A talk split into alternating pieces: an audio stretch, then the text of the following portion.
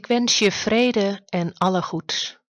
Welkom bij Fioretti, de tweewekelijkse podcast van Stadsklooster San Damiano.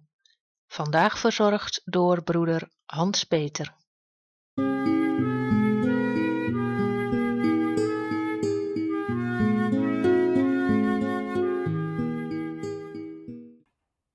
Een Afrikaans spreekwoord luidt: Als je snel wilt zijn, loop dan alleen. Als je ver wil komen, loop dan met de anderen. Er zit een grote kern van waarheid in. Wij mensen zijn immers geen solitaire wezens. Wel solidair, maar niet solitair, voor de duidelijkheid. We hebben elkaar nodig. God houdt ervan als mensen samen zijn, want Waar twee of drie in zijn naam samen zijn, is hij in hun midden. Samen staan we nu eenmaal sterker. Het is dus belangrijk dat we in elkaar zusters en broeders blijven zien. En dat vieren, deze broederschap, deze zusterschap. Jammer dat er niet één woord voor is in het Nederlands, maar toch. En dat gaat verder dan de muren van de kerk.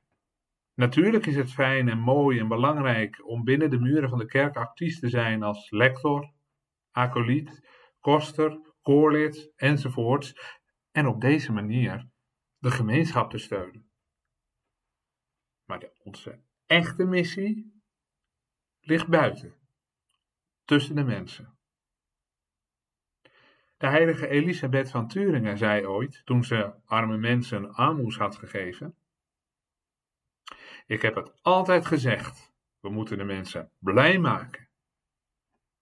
Dat is onze missie. Daarvoor moet ons hart branden. Dat kan op hele verschillende manieren. Als je het al gezellig hebt met je vrienden, maakt dat feit alleen al de wereld een stukje mooier. Maar een boodschap doen voor een zieke, een praatje maken met een oudere, het zijn de kleine dingen die het doen en daarvoor moet je wel uit je isolement komen. Niet in je eentje op je kamer gaan zitten. Trouwens, terug naar die vriendengroep. Als alle leden van jouw vriendengroep, inclusief jezelf natuurlijk, allemaal zo'n klein goed daadje doen. Nou, dan heb je samen wel een heleboel moois gedaan. Paus Franciscus schrijft erover. Zoals bij het wonder van Jezus kunnen de broden en de vissen van de jongeren zich vermenigvuldigen. Zoals in de parabel gebeurt, worden de kleine zaadjes van de jongeren bomen en vruchten die geoogst moeten worden.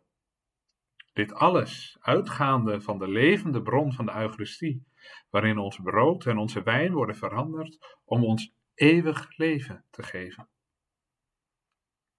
Aan de jongeren wordt een immense en moeilijke taak toevertrouwd.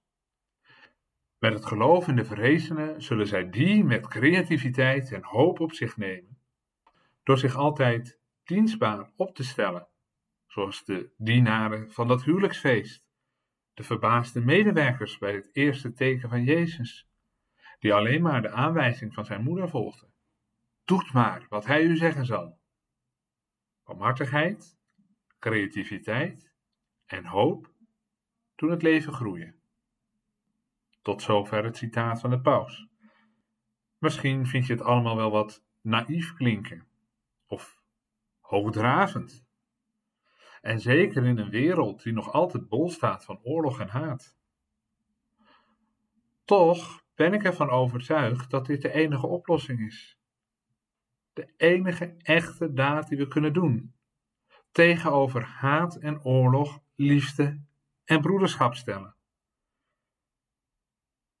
En ja, als we echt doen wat Jezus predikte, dan zullen we hooguit de slechte daden van iemand mogen haten, maar hemzelf nog altijd erkennen en daarmee liefhebben als een broeder of zuster.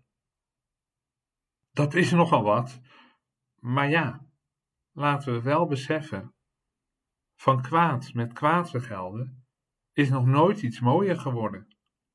Laat staan deze wereld. Heel veel kleine uitingen van liefde en broederschap zal onze wereld langzaam steeds mooier en warmer worden. En dat laatste uiteraard slechts in figuurlijke zin.